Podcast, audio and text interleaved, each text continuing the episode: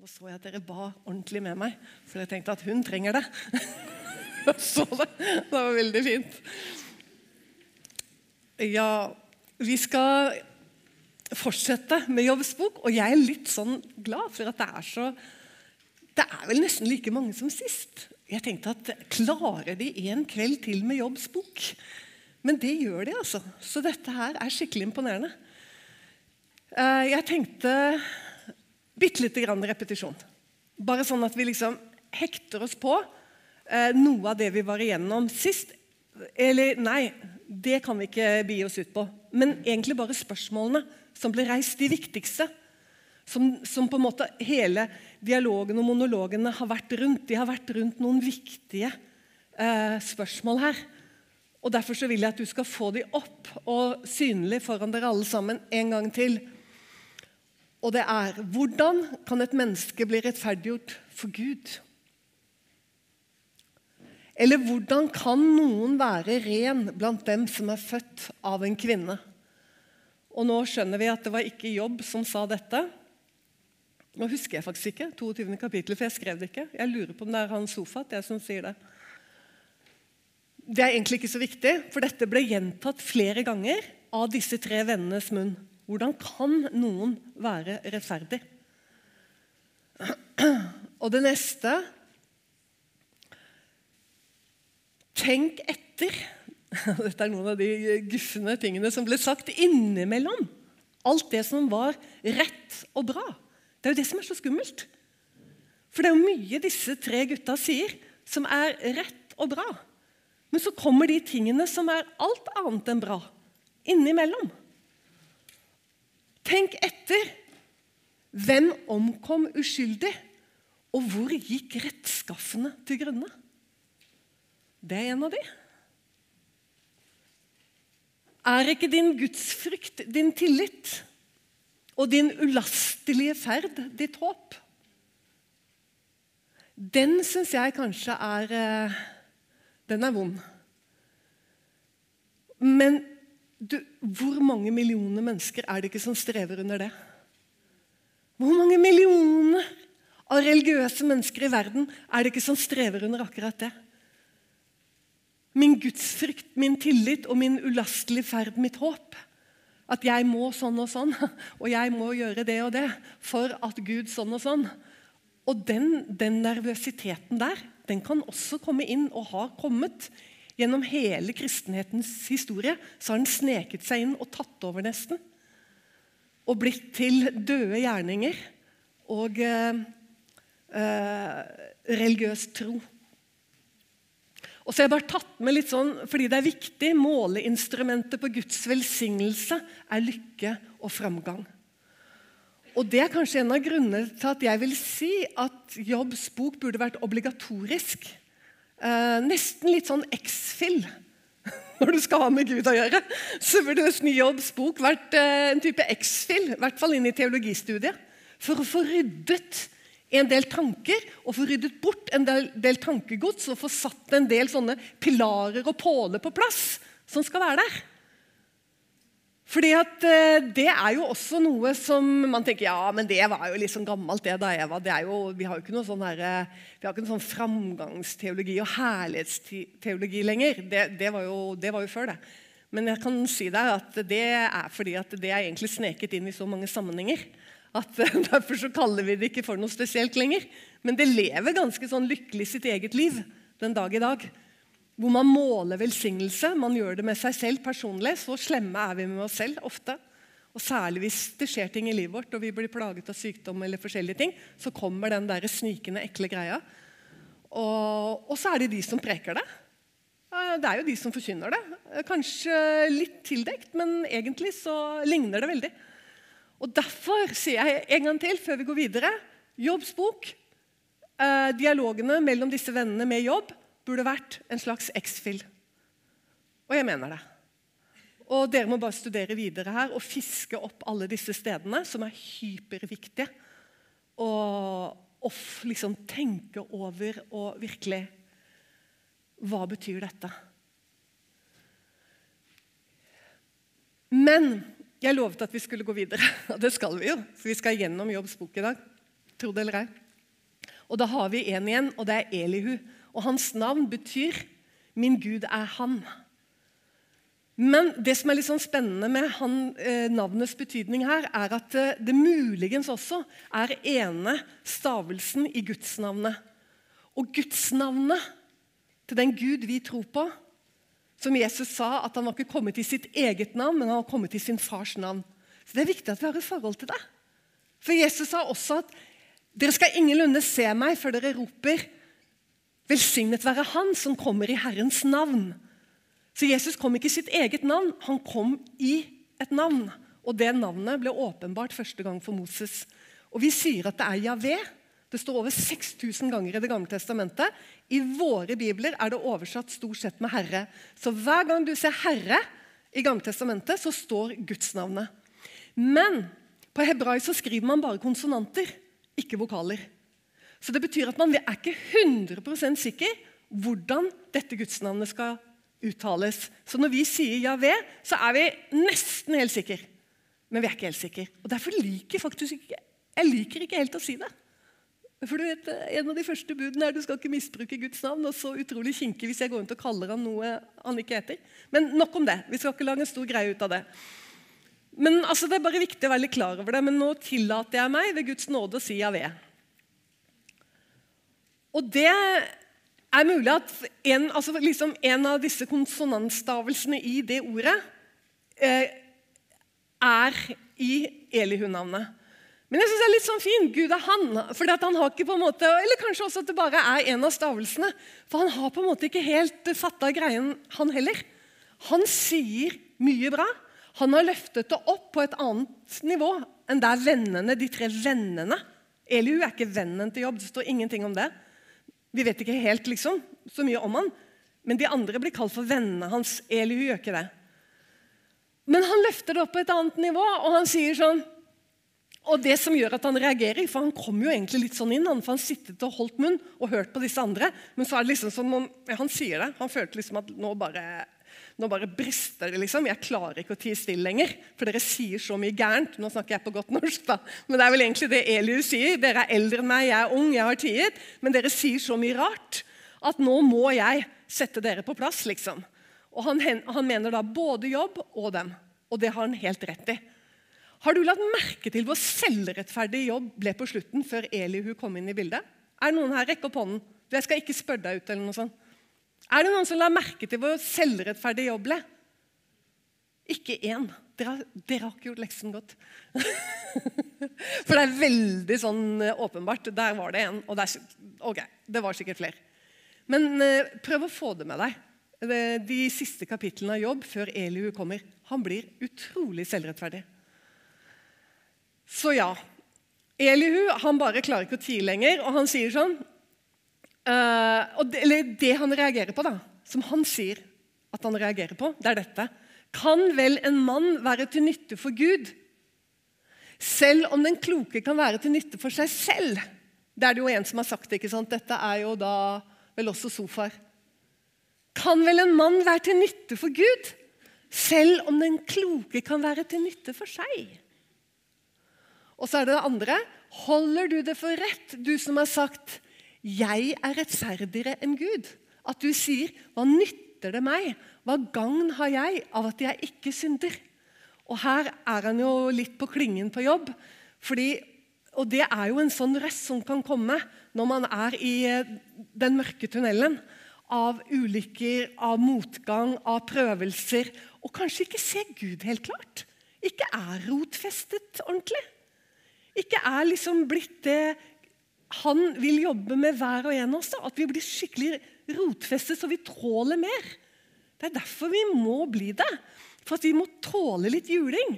For vi får juling. Hvis vi har tenkt å følge Jesus, så er det, det er, Da får du litt juling. Du gjør det, altså. Ja, Men eh, hvorfor det, da? Jo, fordi eh, ordet har ganske trange kår. Hans ord. Jesus er Guds ord, og det har trange kår i verden og har alltid hatt det. Og Derfor sa Jesus at det er en trang vei å gå etter han. Og Derfor så må han rotfeste oss. Og, det, og du vet at det er jo, Jobb er på en måte ikke det, men samtidig så vet vi også heng med, at han midt inni dette her sånn, så sier han dette her Jeg vet at min gjenløse lever. Liksom Man roper det mot disse motstanderne som mener at det må være et eller annet med han. Sant? Noe gærent med han. Så sier han, 'Jeg vet at min gjenløse lever'. Og Det er jo helt utrolig liksom, at det kommer. Det er jo ikke noe sted i Gammeltestamentet at det står. Utenom i Jobb sin munn. Det, det står om gjenløseren fra og med Moses, men, men, men ikke at man sier sånn som dette her. Så, så, Jobb har fått en åpenbaring, og han er jo også den eneste av disse vennene som bruker navnet på Gud. Men har det noen betydning? da jeg. Ja, det har en betydning. For de tre andre de bruker bare Gud, fellesbetegnelsen. Gud er en felles betegnelse, et felles navn. Det fins mange guder, ikke sant? Det var jo derfor de sa når, eh, når Moses kom tilbake til Egypt 'Hvem er det som har sendt deg?' Altså, De ville ha et navn. Det var mange guder i Egypt. Hva heter han? Presenter han. Det er jo derfor han får gudsnavnet av Gud selv. Og nå, tar vi oss tillatelsen og sier Javé. Men, men, men, hva betød dette navnet? Altså, det ble, jo, det ble jo åpnet opp for Moses. Husker dere det? Har dere lest det om, om, om når han, på en måte, han gikk forbi Moses og ropte ut navnet sitt. Herren, Herren, det er egentlig Javé, Javé, er en nådig og barmhjertig Gud. Langmodig og rik på miskunnhet og sannhet. Det bare åpnet, liksom bare knaket navnet opp for første gang i historien. Fantastisk. Så, så det, liksom, når Jobb bruker det navnet, så har han fått kjenne på dette. Han har blitt kjent med dette. Og Det er derfor han også kan si 'Min gjenløse lever'. Sånn, jeg vet han lever. For han får smake på noe. Og så er det her, disse kreftene han står i, av kamp fra de som overhodet ikke kjenner navnet Elifas og Bildad og Sofar og som bare liksom kjører på. Forstår dere hva jeg sier? Mm. Eller mm. Mm. For at jeg skal tørre å gå videre, så svarer jeg for dere. Et lite nikk. Men så kommer jo da Elihu, og du har sikkert allerede lest det. Og det er jo så fint, det han sier. Bare for et menneske, din likemann, kan din ugudelighet ha noe å si. Og bare for et menneskebarn din rettferdighet. Over de mange undertrykkelser klager de. De skriker om hjelp mot de mektiges arm. Men ingen sier, 'Hvor er Gud, min skaper?' Han som lar lovsanger lyde om natten. Og her åpenbarer jo også Elihu et kjennskap dette er jo ikke i nærheten av der de andre var. Fordi Ikke bare det at han sier at noe som er viktigere liksom, enn dette stadiet de vennene var på, det var jo at han løfter det opp på min neste. Sant? Og allerede i Gamle testamentet Mange av oss tror at det var Jesus som lærte oss det første gang. Du skal elske Herren din Gud av hele ditt hjerte og hele ditt sjel og all din makt. Og de neste som deg selv. Men det står også i Gammeltestamentet. Du skal også elske de neste som deg selv. Så Elihu han flytter det hele opp der hvor det skal være. Og det er så fint. Og så syns jeg det siste som står, er kanskje verdt å tenke over en gang til. Nemlig at eh, de undertrykte roper på han. Det er jo, sant? Han hjelper jo de undertrykte, de små, de som lider disse her selvrettferdige vennene. ikke sant? De klarte jo knapt å fatte, liksom. Men Elihu han er liksom der og sier han, de anklager ikke Gud. De roper til han for hjelp. De anklager ikke han. Han som lar lovsanger lyde i natten. Og Det er jo både poetisk og sant at hvor utrolig mange av oss om du Jeg vet ikke hvordan du møtte Gud, men jeg tror at veldig mange av oss møter Gud i natten. Det er noe med, det er noe med en slags realitet i det, fordi han er frelser og gjenløser. Så det er egentlig vanskelig å møte han eh, på en annen måte. Før eller siden må vi vel kanskje inn i en personlig natt for å virkelig bli kjent med han. Selv om det er mange veier. Nå skal vi egentlig for en stund Jeg håper jeg skal klare å dra noen tråder sammen på slutten.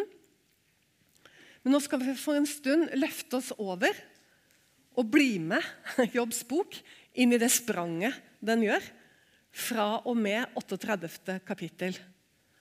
Og det har jeg gjort med å gå inn i Salmenes bok, fordi der står det noe som er så utrolig fint. Og, og tro det eller ei, det er jeg som har oversatt det. litt sånn selvskryt? Nei da. Men, eh, men, eh, jeg tøyser litt nå. Men altså, jeg har det. Fordi eh, jeg ble ikke fornøyd med noen norske oversettelser av den passasjen her sånn, i den 19. salmen. For det er kjempeflott, det som står her, syns jeg. Og jeg synes Det var så kronglete norske oversettelser. Og så leser jeg igjen i New International Version, som jeg anbefaler. Ikke alltid, men den er veldig godt språk i den. Og der hadde de en sånn glimrende eh, språk på denne passasjen, som var så tett på den hebraiske. Så Derfor så jeg, tenkte jeg at ok, da oversetter jeg fra New International Version og ser om det ble bedre. Og jeg syns det ble mye bedre, da. Så det, det er jo ganske Beskjedent, egentlig. Eh, skal vi lese det sammen? Det er verdt det. La oss bare grunne litt opp. For det er det her vi skal nå. Vi skal rett og slett inn i både universet og naturen. Og, for det er dit Gud eh, tar oss med. da. Fordi nå vil han eh, ha oppmerksomhet for sin egen del. Kanskje ikke først og fremst for min del eller for min nestes del, men å elske ham for den han er, og for sin egen del. Og Da går vi mot kapittel 38, og så er dette inngangen. Himmelen kunngjør Guds ære. Hvelvingen forteller hva hans hender har gjort. Dag etter dag lar de sin tale strømme frem. Natt etter natt åpenbarer de kunnskap. De har ingen tale, og de bruker ingen ord. Det er så fint. Ingen lyd blir hørt fra dem. Likevel når deres stemme ut over hele jorden. Deres ord til jordens ender. Kjente dere meg sånn Wow! Men det er fint. For at det er, nå er vi på en måte i hele sant? Vi har det åh, Når du er på hytta på fjellet, og det ikke er noe lys rundt deg. Og du ser opp i den majestet som er over deg, og som er så mye skjult for oss fordi vi bare vandrer rundt i en masse kaos av lys bestandig.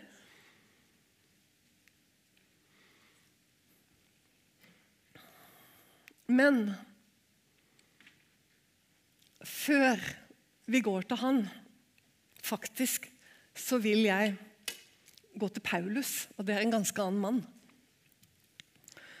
Og da rett og slett til Romerbrevet 1. Og da har jeg lyst til å lese noe som er uh, interessant. Og det er jo et av de brevene hvor, uh, hvor Paulus uh, Hva skal jeg si En slags totalkonfrontasjon med det romerske riket. Og det er ganske utrolig. Eh, at han skriver dette brevet til menigheten i Roma, og han går rett i eh, fletta, for å si det sånn. Både i forhold til deres religion og i forhold til deres moral.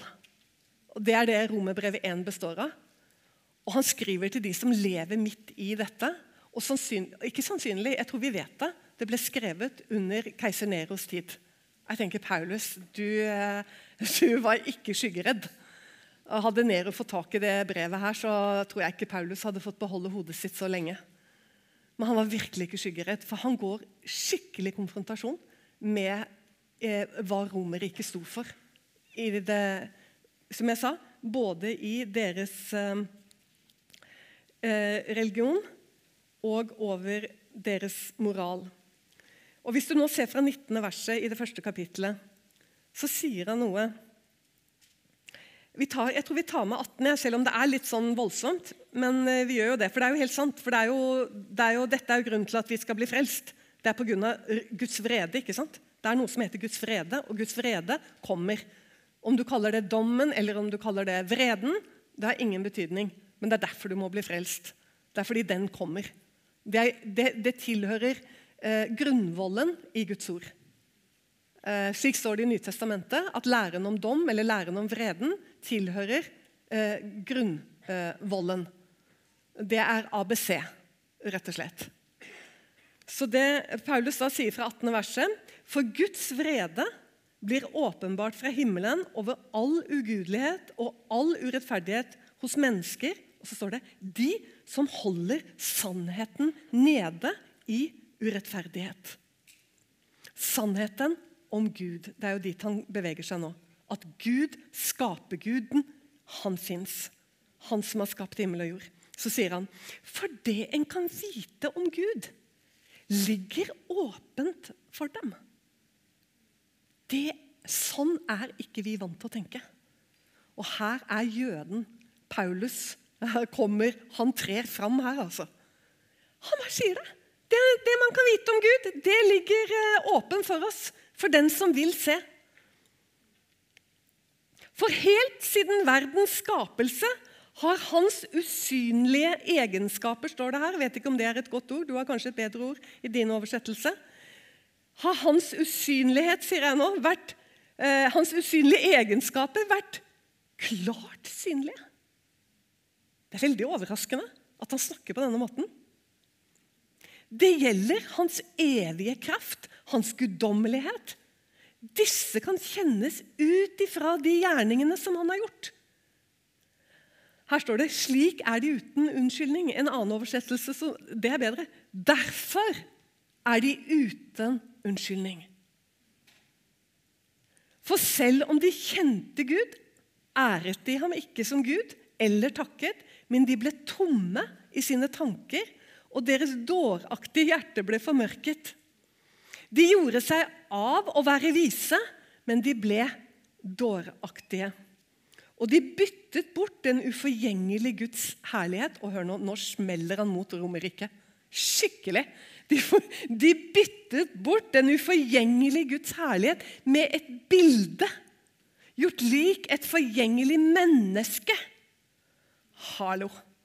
Er det noe det var myldret av i Romerriket, så var det disse gudene som var eh, statuert, for å si det sånn, som statue ikke sant? i menneskeskikkelse. Så Paulus han bare ah, ikke sant? Eh, gjort liksom til eh, et forgjengelig menneske. Den skapergud som har åpenbart seg i sitt skaperverk, har bevist Paulus sier jo egentlig det. Han har bevist at han fins. Og tenk for oss liksom, som lever i, i 2023 med holdt på å si, snart 200 år med darwinisten, og sånn, og så kommer plutselig leser Paulus. liksom. Ja, Han har bevist at han fins! Det, jeg jeg syns det er bare så utrolig bra. Og det er så godt for oss å få sånne. Uh, ja, litt sånn. Fordi vi trenger det. Og bli nysgjerrige. Og liksom, hva står det her? Om det kunne trigge oss liksom, til å få lyst til å sette oss skikkelig inn i Bibelen, inn i Guds ord, sånn som dere gjør. For den er 100% etterrettelig. Og jo mer du lærer den å kjenne, jo mer skjønner du den. At hva er det jeg har trodd om Bibelen? Den er jo helt utrolig.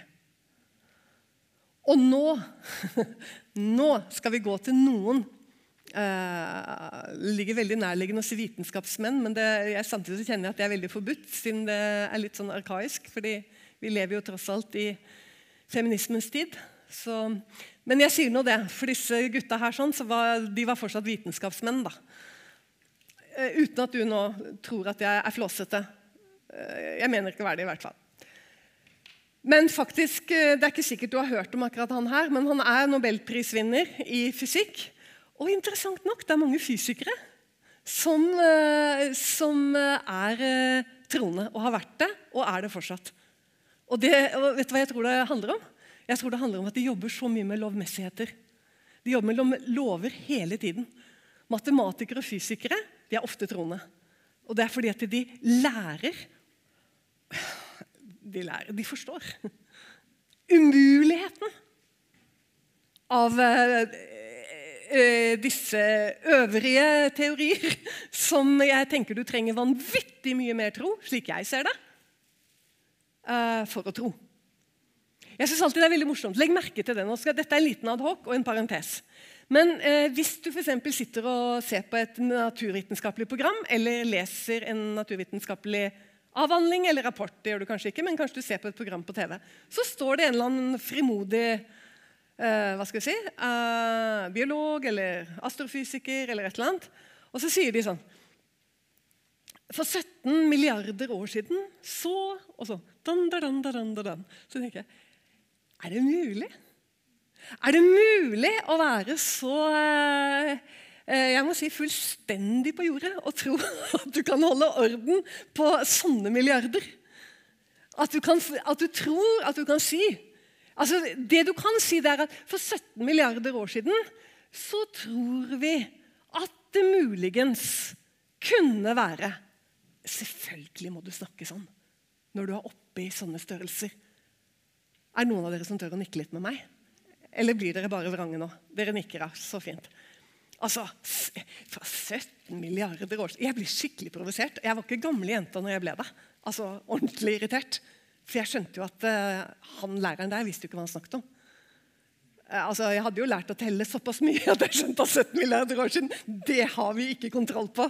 Der stopper vår kontroll. Det må vi bare innrømme. Ikke sant?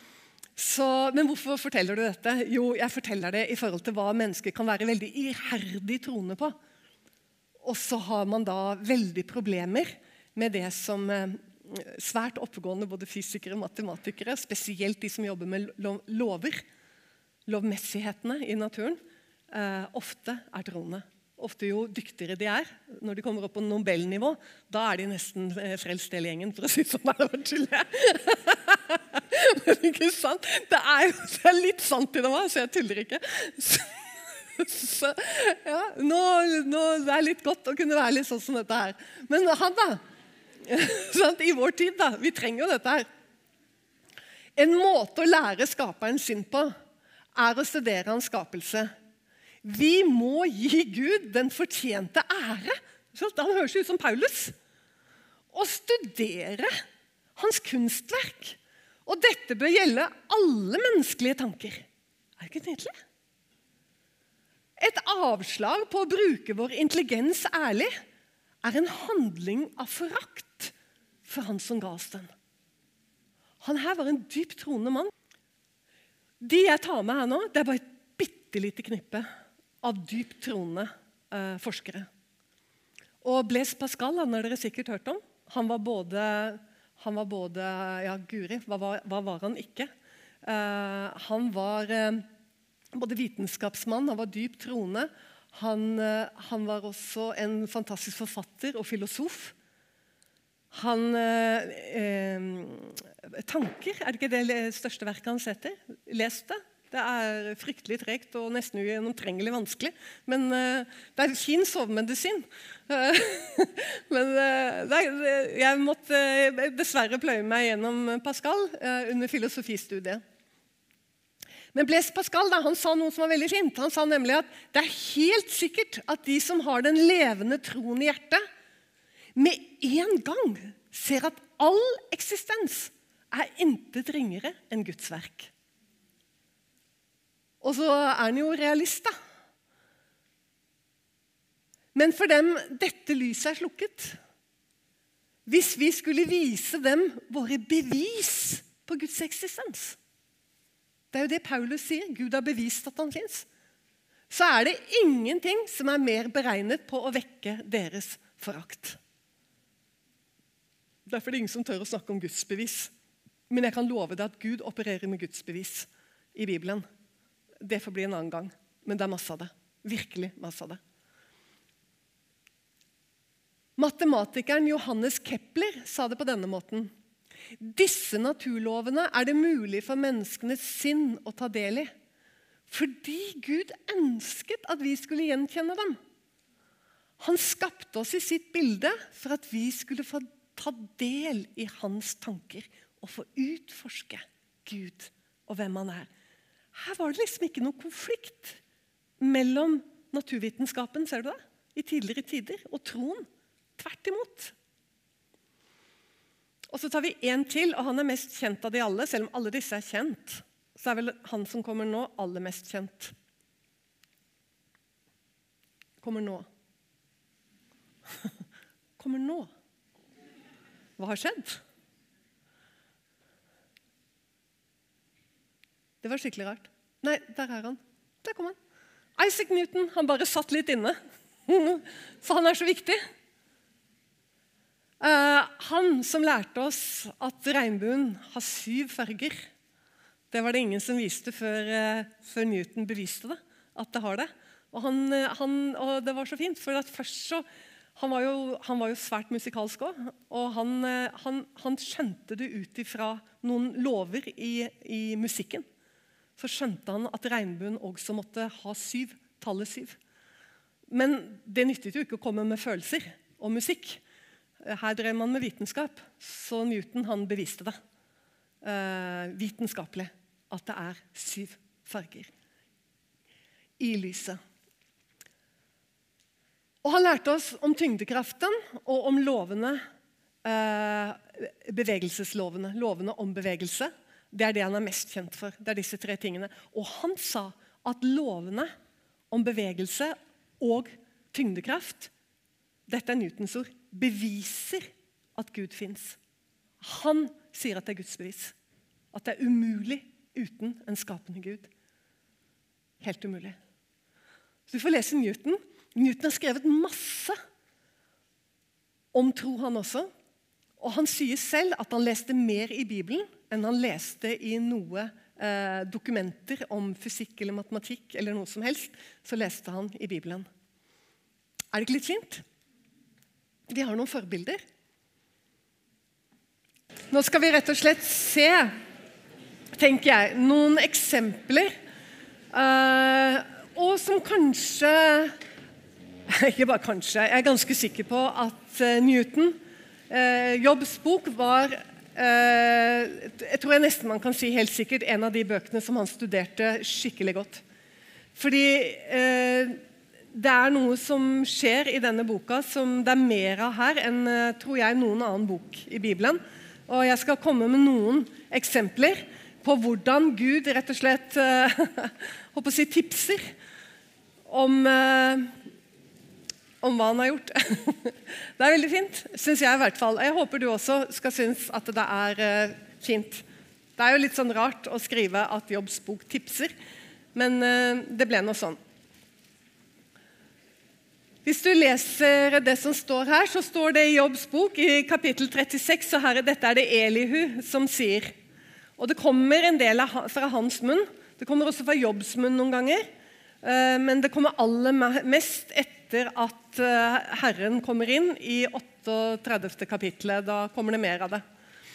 Han er den som drar opp vanndråper. Som former regnet til tåke. Den som lar skyene dryppe ned og lar det strømme rikelig over menneskene.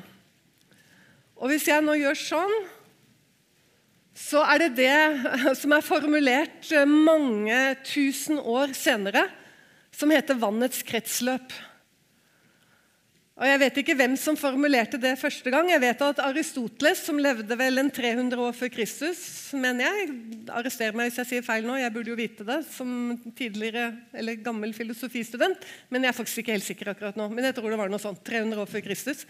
Han formulerte også vannets kretsløp. Men Jobbs bok er nå Eh, I hvert fall så må vi tilbake til Moses sin tid. Og Da er vi tilbake til 1400 år cirka minus pluss før Kristus.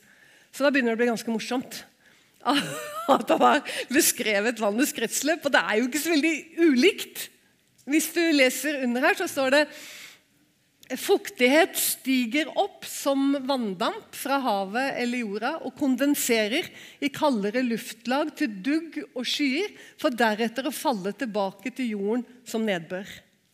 Det er veldig fint. Så jeg tenker, når disse forskerne satt og leste, da, så kunne de jo helt klart bli tipset til å formulere eh, det de studerte og observerte deres empiri. De kunne studere det, de kunne observere det, og de kunne notere det. Men det var notert flere tusen år før, 3000 år før pluss, i eh, Jobbs bok. Så spørres det i kapittel 38, og den syns jeg er fin. Så spør rett og slett Gud Jobb Hvilken vei tar lyset når det brytes? Og der er det mange opp gjennom årtusener som har sittet og undret seg. hva? Kanskje? Jeg vet ikke. Men det er jo veldig interessant at han etterspør det. Jobb, fortell meg. Hvilken vei tar lyset når det brytes fra et medium til et annet? Det er jo det det etterspørres her. Men ikke nok med det. Men han spør også eller østavinden når den sprer seg ut over jorden. Det er så fort gjort å lese dette veldig hurtig og ikke tenke over noe i det hele tatt. Og allerede så er du fire vers lenger ned i kapittelet. For du har ikke stoppet, ikke tenkt noe spesielt på dette. Men det er helt slående, det som står her. At det spørres om hvilken vei lyset tar når det brytes. For det fins lov for det. Og det er jo det som ligger her, liksom, i måten Gud her formulerer seg i Jobbs bok. Han etterspør rett og slett en lov. Han etterspør jobb. Vet du det? For det er Det går an å formulere det. Det går an å si det. Eh, og det gjorde nemlig matematikeren Snellius. Og det heter Snellius' lov. Lysbrytningsloven. Og han skrev om den i 15 ja, altså han, Det vet jeg ikke akkurat året, men han levde fra 1580 til 1626. Og det var da 3000 år ikke sant? etter at Gud spør jobb etter denne loven. Vet du hvordan dette skjer? Det syns jeg er fantastisk at det står i Jobbs bok. Vinden han, den, er kanskje, den er ikke så Her er det kanskje litt rom for tilfeldighet, men du vet at egentlig kanskje ikke. Fordi han spør etter østavinden. Og den som formulerte dette, det var å, kan, Er det noen franskdyktige her? Uh, jeg får bare lyst til å si Coriolis. Jeg vet ikke akkurat hvordan man sier det på fransk. Men uh, garantert ikke sånn som jeg sa det. Det tror jeg vi kan være sikre på. Men han, svar, han, fant svaret på denne gåten, for man skjønte ikke hvordan vinden kunne gå øst-vest. rett og slett. Fordi det de visste, var at vindene beveget seg fra Uh, fra, den, Vindene beveger seg loddrett fra et høytrykksbelte mot et lavtrykksbelte på jorden. Men det de ikke skjønte, hvordan du fikk øst-vest men Den loddrette vinden den skjønte de, men de skjønte ikke øst-vest. Men så er det da at uh, Coriolis han, han fant ut at jorda, pga. rotasjonen Ikke bare at jorda er rund, det hadde de jo skjønt, men han, uh, han forklarte at jorda roterer rundt sin egen akse. Og fordi den gjør det, så skapes uh, øst-vest-vindene, øst-vest-beltene på jorden passatvindbelte, og du har ulike av disse vindene som går eh, øst-vest, vest-øst. Det er jo litt morsomt at Gud spør vet du hvordan østavinden kan gå og bevege seg over jorden. Og så Dette var noen sånne smakebiter på hvorfor det kanskje ikke var så dumt at uh, både Kepler og Newton og de ulike, eh, Pascal, Blaise Pascal faktisk satt og koste seg med Bibelen. Eh, og hadde mer lyst til å lese den enn å lese vitenskapelige skrifter. Det er ikke så nærliggende for oss i dag, men eh, vi lever jo en litt mer sånn degenerert tid. Skal vi se Her har vi en fin en. Kan du knytte syvstjernens bånd? Det er en av de du kan tygge på. Eller Pleiaden. Det er jo forskjellige navn. Syvstjernen står det i de fleste oversettelser, men i dag så brukes jo Pleiaden, og det er jo et uh, fenomen som vi kan se på himmelen. Og jeg mener at vi kan se Pleiaden nå når det er lyst. Vi klarer ikke å se hele Pleiaden, men vi kan se noen av de sterkeste stjernene i Pleiaden. Uh, jeg bare tar de tre bildene som kommer, og så skal vi snakke litt om dem. Uh, det neste som etterspørres, det er kan du løse Orions belte? Spør Gud jobb om. Kan du løse Orions belte? Neste Arcturus med dens unger, kan du lede an jobb? Kan du gå På hebraisk her så står det rett og slett liksom å lede an og gå i teten for dem. Utrolig morsomt. Veldig fint at det står noe sånt i Bibelen. Her har du et uh, bilde som jeg valgte, av Pleiaden på natthimmelen. Det er ikke jeg som har tatt det. Men eh, det er eh, interessant at det står Kan du holde de sammen, jobb? Kan du binde de sammen? Det kunne jo stått noe annet.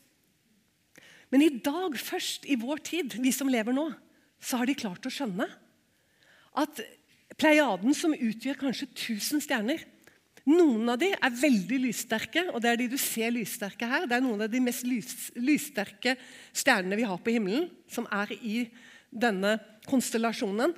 Det er en opphopning av stjerner. På hebraisk så heter uh, syvstjernen egentlig bare opphopning.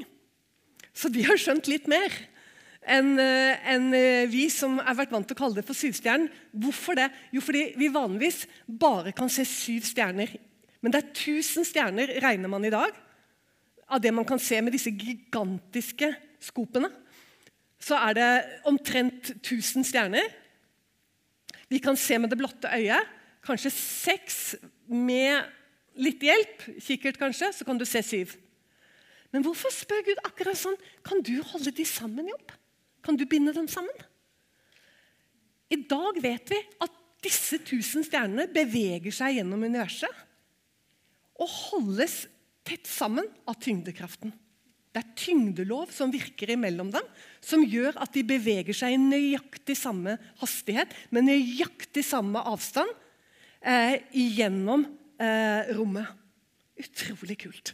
Og de holder sammen av tyngdeloven i perfekt avstand, sånn at ingen viker av, ingen kolliderer. Kult. Og så spør Gud kan du binde de opp. Kan du holde disse gutta sammen. Kjempebra. Så er det skrevet ikke sant? for så veldig lenge siden. Oi, det er fint. Du tør ikke helt å le, liksom, for du tenker at dette er jo litt for muffens. Men, men det er fint. Eh, men det er jo et stjernebilde til å ta med. Jeg tror dere må bytte ut PC-en. Nei, nei. Uh, hoppet vi over to, eller Nei, det er riktig. Vet dere hvilket dette er? Er det noen som vet hvilket stjernebilde det er? Det er ikke disse tolv eh, stjernetegnene, men det er et av uh, stjernebildene, men ikke stjernetegnene, liksom. Orion! Riktig, det er Orion. Og det, hva er det Gud spør om her? Kan du løse Orions belte? Og det er jo det som er viktig, akkurat hva han spør om. Eh, hvis jeg nå tar ett bilde fram ah, Nei. Nei. Sånn. Nei. Der. Det er sånn kanskje eh, Det er lov til å vise dette bildet her, sånn, for det er vel det vi, ikke, ja, Kanskje ikke så mange av oss er klar over at dette var et gudebilde. Altså I det gamle tiden til Abraham og sånn, og etter han også. F.eks. For, for egypterne så var dette skaperguden. Han var far til alle guder. Og han het Og nå må jeg bruke jukselapp. Er det lov? Jeg må bare ha en liten jukselapp på navnet hans, for det klarer jeg ikke å huske i farten. Han het så mye som Sa. Og han ble dyrket som den liksom øverste gudefaren. da. Dette stjernebildet. Og det var da en gud, ikke sant? Ok, La oss da gå tilbake igjen. Uh, la oss gå tilbake igjen. En. Mm.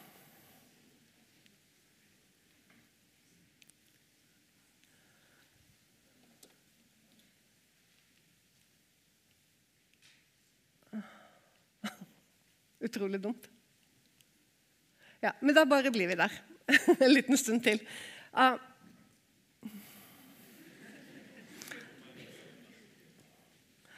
jeg føler meg litt motarbeidet. Nå ble det helt svart. Ja. Det jobbes med saken. Men la oss ikke få panikk. Det som er, er at hvis det nå er klart når du kommer hjem, ja, da kan, da kan du se sant? Veldig gjenkjennelig, de tre der på midten. Enig? Er det noen som har sett det? Beltet. Ja, alle setter disse tre som er helt som linjal. ikke sant? Det er jo det beltet Gud snakker om her. Og Husk nå at dette er en del av det stjernebildet som ble dyrket i Egypt og i Babylon og mange steder som en hovedgud. Su. Eh, så sier, da, så sier da Gud, kan du løse Orions belte? Hvorfor, sant? så kan du binde det sammen. Og nå vet vi hva vi vet i dag om det. Så uendelig mange år etter at Gud hintet om det og sa noe om det. Men så sier han det motsatte når han kommer til Orion. Og i dag vet vi Jeg tror egentlig dette ble oppdaget bare for jeg tør ikke si det sikkert, Kanskje noen av dere vet det? Kanskje 10 år siden, 20 år siden eller noe sånt. Faktisk. At hele dette eh, bildet, hele dette stjernebildet med belte og alt sammen, det løser seg opp og går fra hverandre. Kult! Hva er det Gud spurte om? Kan du løse det? Og så ikke nok med det, men på hebraisk Vi kaller det for Orion det er fordi det kommer fra gresk mytologi. Men det er jo ikke det Gud kaller det. På hebraisk så heter den 'foolish'. Jeg har ikke noe godt ord på norsk. Idioten, kanskje? Så dette som de dyrket som gud i Egypt og i Babylon, det kalte hebreerne fra gammelt av for idioten. Fordi at eh, man dyrket av denne her, eh, ikke sant? Eh, hva skal du si, skapningen eh, istedenfor å dyrke skaperen. Og i dag vet vi Det kommer ut å gå i oppløsning i løpet av din levealder. Men, men det beveger seg fra hverandre. Order om speltet rives fra hverandre hele tiden. Men fordi vi er så vanvittig mange lysår unna, så kommer vi aldri til å få oppleve det. Men det er det som skjer, og, vi, og de vet det i dag, at dette beltet det går fra hverandre. Er ikke det litt eh, bra, da? Er det ikke litt spennende? At Gud sier 'Kan du løse dette beltet?' Men det er jo det han driver med. Løser det opp og egentlig da tilintetgjør hele dette gudebildet. Veldig bra. Og så neste eksempel. Og, og, denne her er også veldig fin. da. Arcturus. Det er den, denne er du veldig vant til å se. Det er bjørnen, den som er til høyre. Eh, men der, eh, Nå kan du egentlig se litt hvordan du kan finne den på stjernehimmelen. Eh, sånn at den vil være på en måte i en sånn posisjon i forhold til bjørnen. Sånn at de fremste stjernene de vi kan se, det er de som er tegnet inn her med streker. Men totalt så består Arcturus altså, man tror i dag 52 stjerner. Og Noen av de sterkeste på himmelen er de som er i selve bildet som vi kan danne oss. Og Det heter Arcturus. Og hva er det Gud spør om her? Han spør Jobb, dette er på slutten av kapittel 38. Han spør Jobb eh, Jobb, kan du lede an? Kan du rett og slett lede disse ut? Syvstjernen spurte han kan du binde sammen. Ordet han spurte kan du løse opp. Her spør han kan du gå foran og lede dem an. Uh, det, det, du kan bare bli svett av tanken. For uh, disse stjernene her sånn, uh, de beveger seg i en ganske voldsom hastighet. Og det er 122 km i sekundet. Hørte du hva jeg sa? 122 km eh, Nei eh, Ja, 122 km i sekundet. Og det er 40 000 mil i timen. Dette er ganske svimlende tall, men hvis du da Nå skal jeg bare gi deg et eksempel. Rundt ekvator er det ca. 40 000 km. Litt mer rundt ekvator. Eh, mens uh, disse stjernene de vil da kunne eh, reise elleve ganger rundt ekvator i timen. så, så, det er jo så fint at Gud spør jobb. kan du lede an? kan du dra i teten for dem? Kan du liksom gå forrest? Og det er jo også nå helt i vår levealder at man vet hvilken hastighet disse stjernene beveger seg sammen, samlet 52 stjerner i den hastigheten. Eh, som jeg sa, altså eh, 40 000 44 000 kilometer Nei, feil. 44 000 mil i timen. 44 000 mil i timen. Jobb! Led an! Før fram! Bibelen er så utrolig spennende. Den er full av disse tingene. her sånn. Av observasjoner, nøyaktigheter, som eh, vi bare kan undre oss. Jeg kan, det, jeg kan, gi deg en liten en til som jeg har liksom vært klar over i mange mange år. Som jeg bare tenkte at oi, så bra at det står øst-vest og ikke syd-nord. For Gud sier at så langt som øst er fra vesten, skal jeg holde dine synder borte ifra deg. Øst og vest kan aldri møtes, men syd og nord er målbart. Sånn, det er sånne, det er sånn, Bibelen er full av disse tingene. Så at uh, Newton og Kepler og mange, mange flere uh, fordypet seg rett og slett i uh, Bibelen, det skjønner jeg utrolig godt. Det er litt fremmed for oss som i dag. For ofte så får du sikkert ikke så mye forkynnelse om dette på søndagene. har jeg rett? Ja, Og du får ikke så mye om det på universitetet og høyskolen din heller. Men du må studere Bibelen. Bibelen er den mest fantastiske, mest nøyaktige, mest etterrettelige bok som fins. Vi klarer jo å lese hyllemeter med bøker ellers. Hvis du studerer medisin eller du studerer til sivilingeniør, hvor mange bøker må du ikke pløye deg gjennom? Mens vi har denne samlede verket. Utrolig at det skal være så motstand på å sette seg inn i den boka her, sånn, som har sånne enorme skatter. Det var litt eh, reklame for Bibelen, sånn puttet inn eh, imellom. Vi fortsetter, og da skal vi bevege oss ned på jorda. Det blir jo litt bra.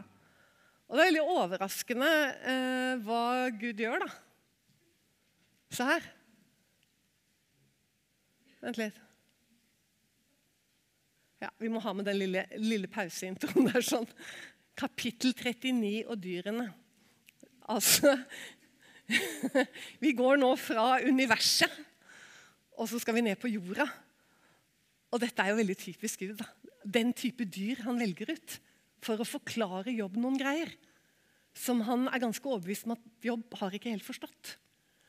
Og da er det han tar ut noen ganske underlige dyr. Og tre av de som jeg syns er mest morsomt, det han sier om dem, da, det er eselet. Og det er det han sier om steinbukkene. Og det er det han sier om strutsen. De tre dyrene her sånn. Og det er sånn, tenker du, underlige dyr. Av alle dyr, Gud! liksom, Å komme trekkende med de. Men uh, det er vel, uh, håper jeg, at det skal bli uh, forståelig, da.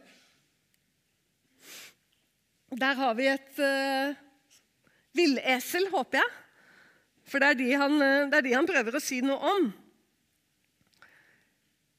Og det kommer på denne måten her. Bare gi meg et lite øyeblikk, for jeg var så dum at jeg ikke satte et lite merke i teksten. Og så bruker jeg en bibel jeg vanligvis ikke bruker. Uh, er det noen som sitter med Bibelen og ser eselet før meg? Åtte? Ja. Hvem sendte villeselet av sted i frihet? Hvem løste villeselets bånd? Jeg ga det sitt hus på ørkensletten og lot det få saltlandet til bolig. Men eselet ler av byens larm, som ikke hører driverens rop. Det søker sin beitemark i fjellene. Det leter etter hvert grønt strå. Altså, Det var en veldig tung oversettelse her, syns jeg. Veldig rar, Nesten litt uforståelig. Jeg burde sjekket det først, men jeg bare nappet med meg denne i farten. For jeg syns det ble litt vel gammelt språk i 1930-oversettelsen, men der ser du hvor farlig det er. Og så napper du deg med eh, King James, og så får du en veldig underlig ord. da. Er det noen som har en bedre beskrivelse her, som har lyst til å reise opp og lese høyt og tydelig? Så kan du godt gjøre det, for jeg syns det var veldig sånn arkaisk og tungt språk. Det er det ingen som har lyst til. Ok. Nei, men det er greit. Men kan, da kan jeg bare si poenget med det. da. For det Gud gjør her i kapittel 39, det er at han på en måte trekker fram en del dyr som lever under så uh, umulige uh, forhold. Uh, rett og slett som har fått et miljø å leve i som er så harskt, og som er så vanskelig. Og han, han tar liksom dyr etter dyr eh, innenfor samme bilde. Men, men, da selvfølgelig eselet på sin side, strutsen på sin side. Men fellesnevneren er at det er liksom sånne eh, forhold å leve under som er forferdelig vanskelig. Og kanskje tar han litt tak i det at jobb tidligere har sammenlignet seg med dyr, bl.a. strutsen, som sånn eh, absolutte elendighet av hva slags tilværelse som du kan bli født inn i. Altså At det kan være så gærent liksom, som villesler, strutser og steinbukker. Det er litt den, tenker jeg. Eselet eh, går vi forbi nå, og så går vi videre til denne karen her. Og dere kjenner han igjen? Og det er strutsen. Og den er jo en vi har lært opp i å le av. Ikke sant? Det er liksom, For de har et veldig underlig oppsyn. De har jo et hode som er på størrelse med noe sånt. Man sier de har en hjerne mindre enn en valnøtt. Eh, hodet består stort sett av nebb og øyne. Og vi finner de ufattelig morsomme. For det lille hodet står på toppen av en lang, eh, bar, naken, rosa hals. Og under der så er det en enorm kropp og lange, rosa, hårløse ben. Og noen merkelige føtter. Så denne skapningen her har du han i farta. Ja, De er jo helt fantastiske. Og de kan løpe utrolig fort. Jeg lurer på om det er 75 km i timen. Men det som er så gøy, det er hva Gud faktisk skriver om strutsen. Da, fordi Vi er jo lært opp til å le av dem fordi at de er så dumme. Og så er vi lært opp til at eh, sant, Vi har sånne vitser. Vet du hva strutsen gjør uh, når den blir redd? Er det noen som har hørt den? Hva er det strutsen gjør når den blir redd? Ja, han stikker hodet i sanden, ikke sant? Og så ler vi, for han, han er jo så tåpelig og så dum. Men uh, Gud da, han bruker strutsen uh, på en litt artig måte her. da. For han sier strutsen, 16. verset, vifter lystig med vingene, men har ikke vinger og fjærdrakt som storken. Altså, Han vifter med vinger som ikke kan fly, og han gjør det også så står det derfor må den forlate sine egg på jorden og varme den opp i sanden. Og det gjør de også. Den glemmer at en fot kan knuse eggene, eller at markens dyr kan tråkke dem i stykker. Den behandler sine unger hardt, som om de ikke var dens egne, uten bekymring for om den strev skulle være forgjeves. For Gud har nektet en visdom og har ikke tildelt den forstand. Når den retter seg opp i høyden, ler den av hesten på rytteren. Hva i alle dager? Dette er noe du egentlig bare sånn Yes, bare leser forbi. Og, og tenker ikke noe mer over det. Eller du Jeg sier ikke at alle gjør det, men det er veldig fort gjort. Men det som sies her, for det første så er det noen bilder som er viktig å ta tak i. Hest på rytter i Bibelen er alltid bildet på kjød, altså på menneskets eh, behov for kontroll og styrke. Du vet at det står 'ikke ved makt og ikke ved kraft, men ved min ånd'. Hest og rytter er det motsatte. Det er ved egen makt og egen kraft. Det står til og med at hesten har ikke Nei, det, det står at Gud har ikke behag i hestens styrke eller i mannens bein. Underlig. Mannfolk, han liker ikke beina dine. Det er fordi det er bilde på styrke. Det er bildet på styrke. Så det strutsen her gjør, da, det Gud gjør med strutsen, er at han bruker strutsen helt motsatt. For han sier at hesten sitter på rytteren. Og hvem er det som ler av hvem? Jo, det er strutsen som ler av hesten på rytteren. Fordi Gud har nektet en visdom og forstand. Men den er hår mot sine unger, står det. Den etterlater eggene i sanden og flakser helt sånn bekymringsløst av gårde og bryr seg ikke mer om ungene sine. Men så er han til Guds ære. Fordi han har ikke bekymring for at de eggene ikke skulle være trygge. Fordi Gud har skapt dem med verdens tykkeste skall. Ikke engang om et eh, mannfolk på 100 kg stiller seg oppå det, så vil det knuse. Det vil ikke. Det åpnes omtrent kun utelukkende innenfra. Altså Det er sånne fabelaktige små passasjer i Jobbs bok som åpenbarer rett og slett den kunnskapen som ligger i skaperverket. Og så har du ironien mot mennesket og kontroll og vår styrke. Sant? Rytteren på hesten, og strutsen ler av hesten på rytteren fordi den stoler. Altså Det er en tillit til Gud og til Guds Jeg tenker nesten sånn Er det for mye å si at det er en slags sånn tillit til en, til en åpenbaring av Guds nåde? Altså at den, at den tør å leve akkurat sånn som Gud har skapt den. At den tør å legge de der enorme eggene sine rett ned på bare ørkensanden og dra fra dem. Fordi Den er ikke redd for at en strev skulle være forgjeves. Hva ville det vært forgjeves? Jo, at alt ble ødelagt. Ungene ble spist, eggene ble knust. Den er ikke redd for det, fordi det ligger en tillit til den Gud som har skapt den.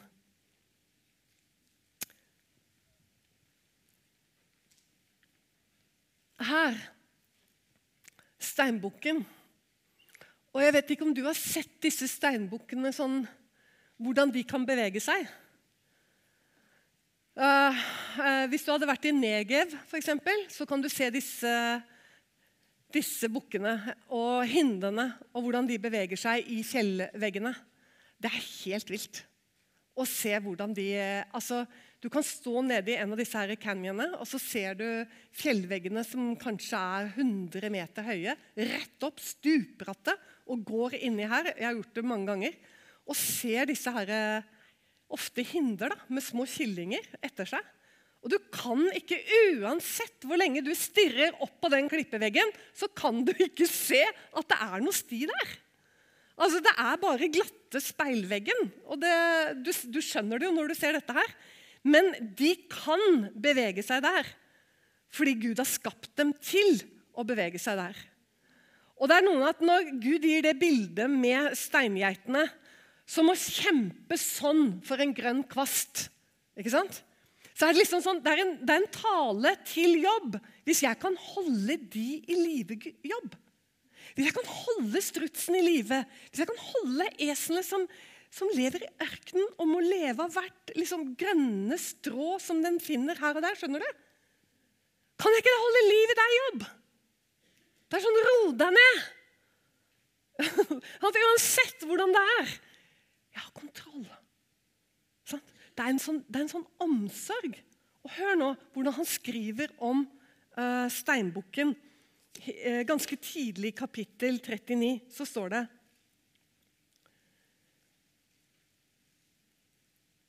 fjerde verset. Kjenner du tiden da de ville steinbukkene skal føde?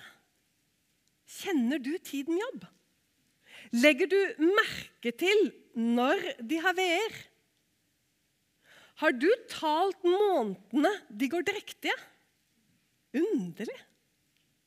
Kjenner du tiden, altså kjenner du tidspunktet for når de føder? De bøyer seg ned de føder sine unger, og de forløses med smerte. Deres unger er sterke, de vokser opp ute. De drar bort og vender ikke tilbake igjen. det er, det, er, det er, faktisk ganske spesielt at han sier til Jobb Vet du når de skal føde? Har du talt dagene? Liksom? Følger du med på riene? Og det man vet når det gjelder disse, disse steinbukkene i Negev Det er jo mange forskjellige steinbukker. Jeg har ikke greie på alle, men jeg har litt greie på de som er i Negev. Det de gjør da, eh, når de skal føde, det er at de klatrer til de mest vanvittig utilgjengelige områdene. Altså sånn, Det er umulig å følge etter dem. De drar bort fra flokken og de klatrer til de mest stupbratte stedene. Hvor det er umulig å følge etter dem, og det er selvfølgelig pga. rovdyr. Og der føder de ungene sine. Og det er så fint at det er akkurat det på en måte Guds ord her tar tak i. Eh, og taler til jobb. da. Har du, har du omsorg for det i jobb? Har du talt? Vet du når de skal føde? Og Det er liksom så nydelig hvordan han går fra universet og ned til dyrene for å åpenbare, syns jeg, da, eh, nåden. At det er umulig å leve egentlig der hvor steinbukkene lever. Det er egentlig helt umulig. Men så har jeg gitt dem noen føtter som gjør at de kan gå i absolutt all slags terreng, og de kan gå faktisk rett opp nesten det som for oss ser ut som speilblanke fjellvegger. Pga. de føttene som de er skapt med. Men så tenker du, ble det litt mye steinbukk nå? Nei, det, det, ble ikke det. For jeg skal si noe til deg som er veldig fint.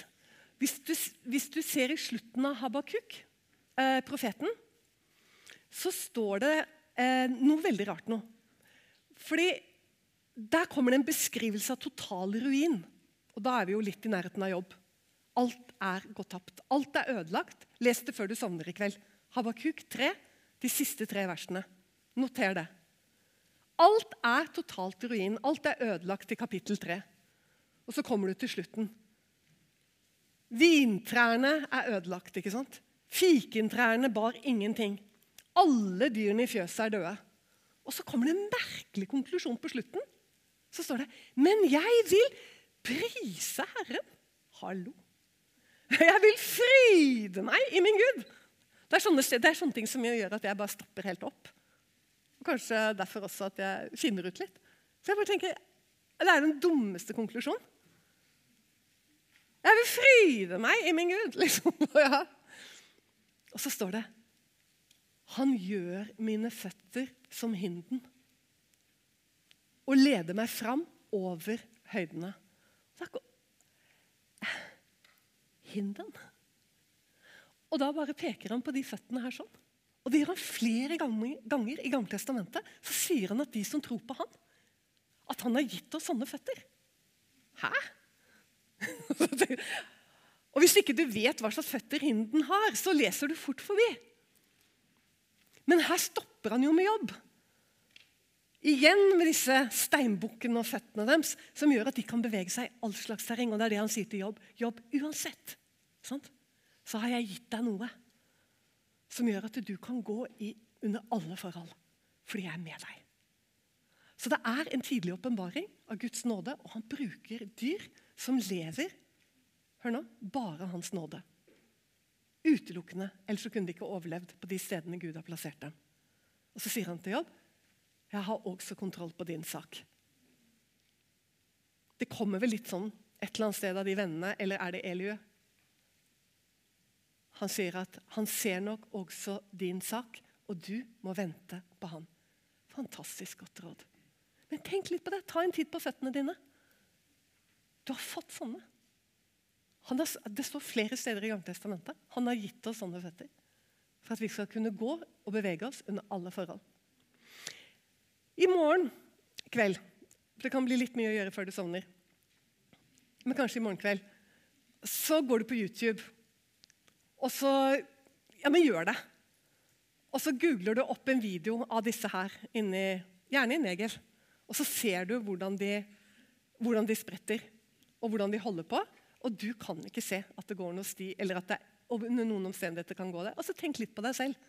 Hvis du har det litt kjipt og vanskelig, så bare tenk litt på deg selv at han har faktisk sagt at han ser min sak, og at han har gitt meg noen bein som tåler utrolige prøvelser. Da er vi ferdig med, med dyrene. Og så skal vi gå til kapittel 42. For nå har det begynt å skje noe igjennom disse Det er mange flere bilder du kan kose deg med. Og sitte med naturfagsboka ved siden av deg og lese jobbsbok. Eh, I kapittel 40 og 41, men nå går vi til 42. For der kommer det jo litt konklusjoner. Og det som skjer, da, er jo liksom at Gud på en måte utfordrer han litt. Har du tenkt å fortsette liksom å bråke? det er litt sånn det, sant? Men, uh, men, det som er så fint, da, som Jobb sier, det er dette her at før Det tenker jeg er det viktigste som står i kapittel 42.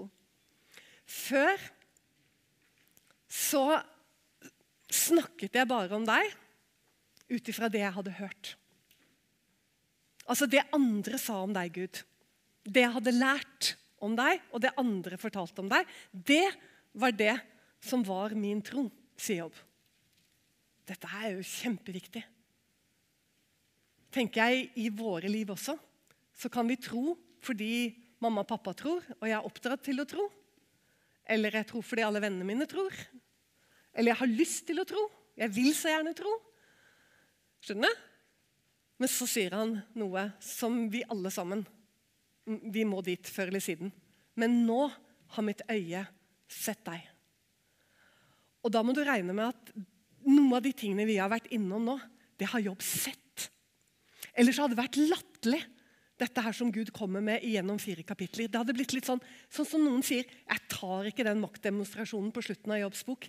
Nei, men det er, det er en maktdemonstrasjon, men det er en skikkelig flott maktdemonstrasjon. Fordi at Jobb får virkelig se dette. Han, han, får se det, og han får liksom bøye seg inn.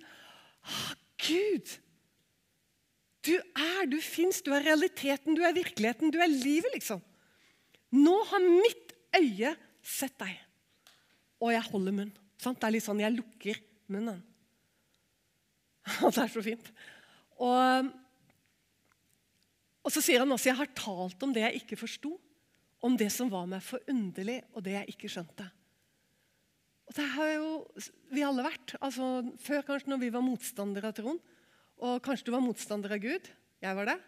Nesten store deler av oppveksten min. Kanskje du er her som også var det. Og du var veldig sånn og på, og du prata og du mente og du sant? Og der har jobb også vært. Han, han, snakket, han, men han kom der og sa jeg snakket om det jeg ikke forsto. Det som var forunderlig. Og, liksom, og vi mennesker er jo noen ganger sånn Vi prater i vei om det vi egentlig ikke har erfaring. Det er det Jobb sier. Han løfter opp erfaringen. Han løfter egentlig opp nesten litt sånn empirien. Altså, Gud lar seg erfare. Han lar seg bevise.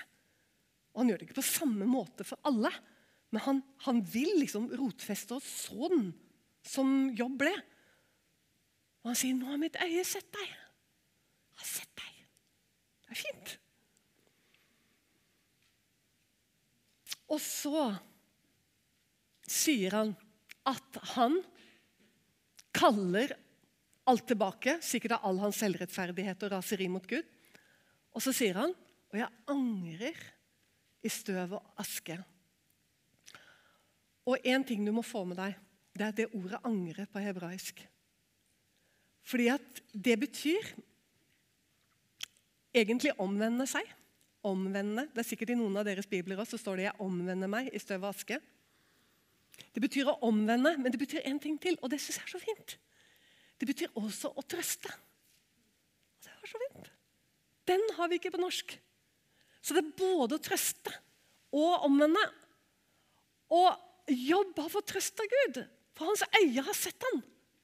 Altså Det er blitt virkelig for Jobb. Derfor så er han trøstet. og i det at han er trøstet, så omvender han seg. Og sånn er jo Gud alltid, for han kommer jo alltid først med miskunn. Han kommer alltid først med kjærlighet, og så med sannhet. Sånn? Jesus er full av Det står nåde og sannhet, men det er ikke det det står. Det står miskunn og sannhet. Jesus er full står det, av miskunn og sannhet. Det er godt at det står miskunn først, og så sannhet. For vi klarer ikke å ta sannhet uten at han først trøster oss, eller først overbeviser oss, gir oss miskunn. Og Det er det som uttrykkes i det ene hebraiske ordet, omvende seg. Det er å bli trøstet og omvende seg. Det er samme ord, kommer av samme rot. Og så er det én ting til som jeg tenker at vi skal ta med oss. Det er det som Gud sier til eh, Jobb. Uh, nei, til Elifas. Han går til denne vennen som vi begynte med forrige mandag. Han går til han og sier det at du og dine to venner har ikke talt rett om meg.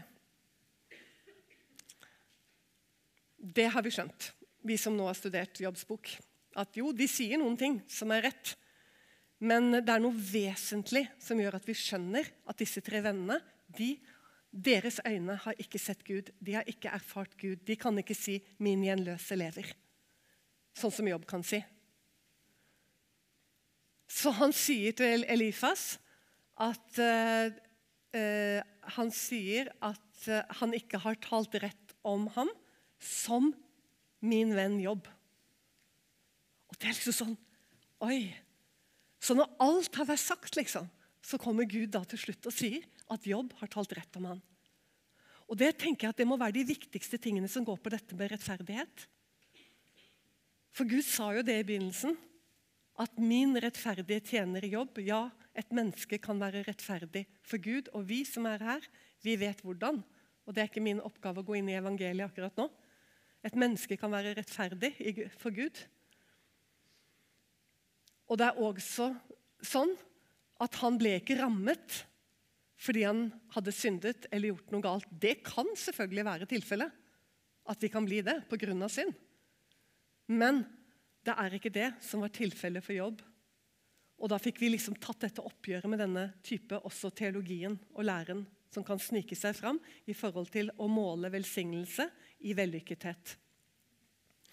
Så liksom når Gud summerer opp og drar i lingene, så sier han dette. At jobb, du har talt rett om meg. Og så sier han til disse vennene at dere har ikke talt rett om meg. Og Derfor så ber han jobb om å be for vennene sine. Og når han gjør det, tilgir dem og ber for dem, så velsigner Gud jobb og gir han alt tilbake. Ikke bare gir det tilbake, men han gir det vel nesten dobbelt opp. Jeg husker ikke akkurat hvordan det oppsummeres med alt som eh, blir godtgjort for jobb i slutten. Det er nok ikke av de viktigste tingene i Jobbs bok. Det er nok heller alle disse stoppestedene som vi nå har hatt, og som jeg håper at dere har opplevd matnyttig, og, og også har inspirert dere til å få lyst til å lese mer selv. Jeg tror vi gir oss der. Jeg har egentlig ikke formulert noen refleksjonsspørsmål. Men jeg tenkte å utfordre Hogne på det. Nei da. ja, nei da, jeg skal ikke gjøre det. Men kanskje du er en sånn type som tenker det burde vi tenke alvorlig på. Eller du, Magne, har det. At du tenker dette burde vi sette oss ned og tenke om. Fordi uh, når jeg satt og jobbet i går, forgårs, i går og i dag med dette stoffet, og sånn, så på ny, så så ble det litt sånn at jeg klarte ikke helt å bestemme meg for hva som ble det viktigste for oss. Men kanskje har den vært litt reflekterende hele denne stunden som vi har hatt sammen nå. At vi har hatt noen gode sånne lattere å puste litt. Og at vi kanskje kan få prisa den litt sammen, og så gjøre sånn som dere pleier å gjøre. Sitte og tenke litt og sånn til slutt. Jeg håper det er en god ordning. Men da i hvert fall jeg gi meg her, da. Mm. Det har vært kjempefint å være sammen med dere. da. Det må bare sies. Dere er en lyder og veldig fin gjeng. Mm, takk. Stå med oss økonomisk og i bønn. Du finner oss på utentvil.com.